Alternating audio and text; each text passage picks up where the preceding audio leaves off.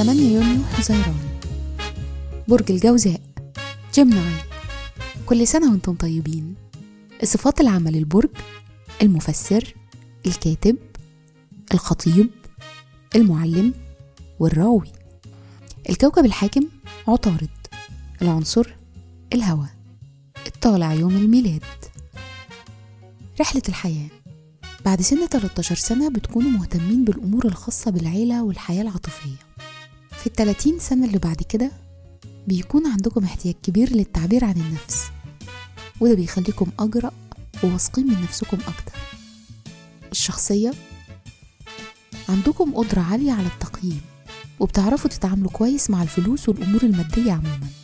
ذكائكم دايما بيخليكم تكتشفوا معارف جديدة وبتقدروا تستفيدوا منها على المستوى المادي والشخصي.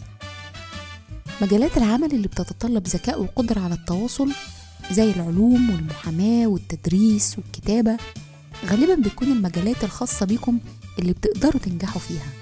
تأثير رقم يوم الميلاد رقم 8 بيقول عنكم إنكم متطلعين دايما لإنجازات عظيمة وطموحين وعندكم رغبة في التحكم. كمان النجاح المادي الملموس هو من الحاجات المرتبطة برقم 8 في الحب والعلاقات بتحبوا صحبة الناس. وبالرغم من إنكم أحيانا بتبانوا غير عاطفيين لكن قلوبكم دايما بتحس بالناس وبتهتم بيها. بيشارككم في عيد ميلادكم عالم الفيزياء والكيمياء الحيوية فرانسيس كراك السيدة الأولى الأمريكية السابقة باربرا بوش وهالة فاخر وكل سنة وأنتم طيبين.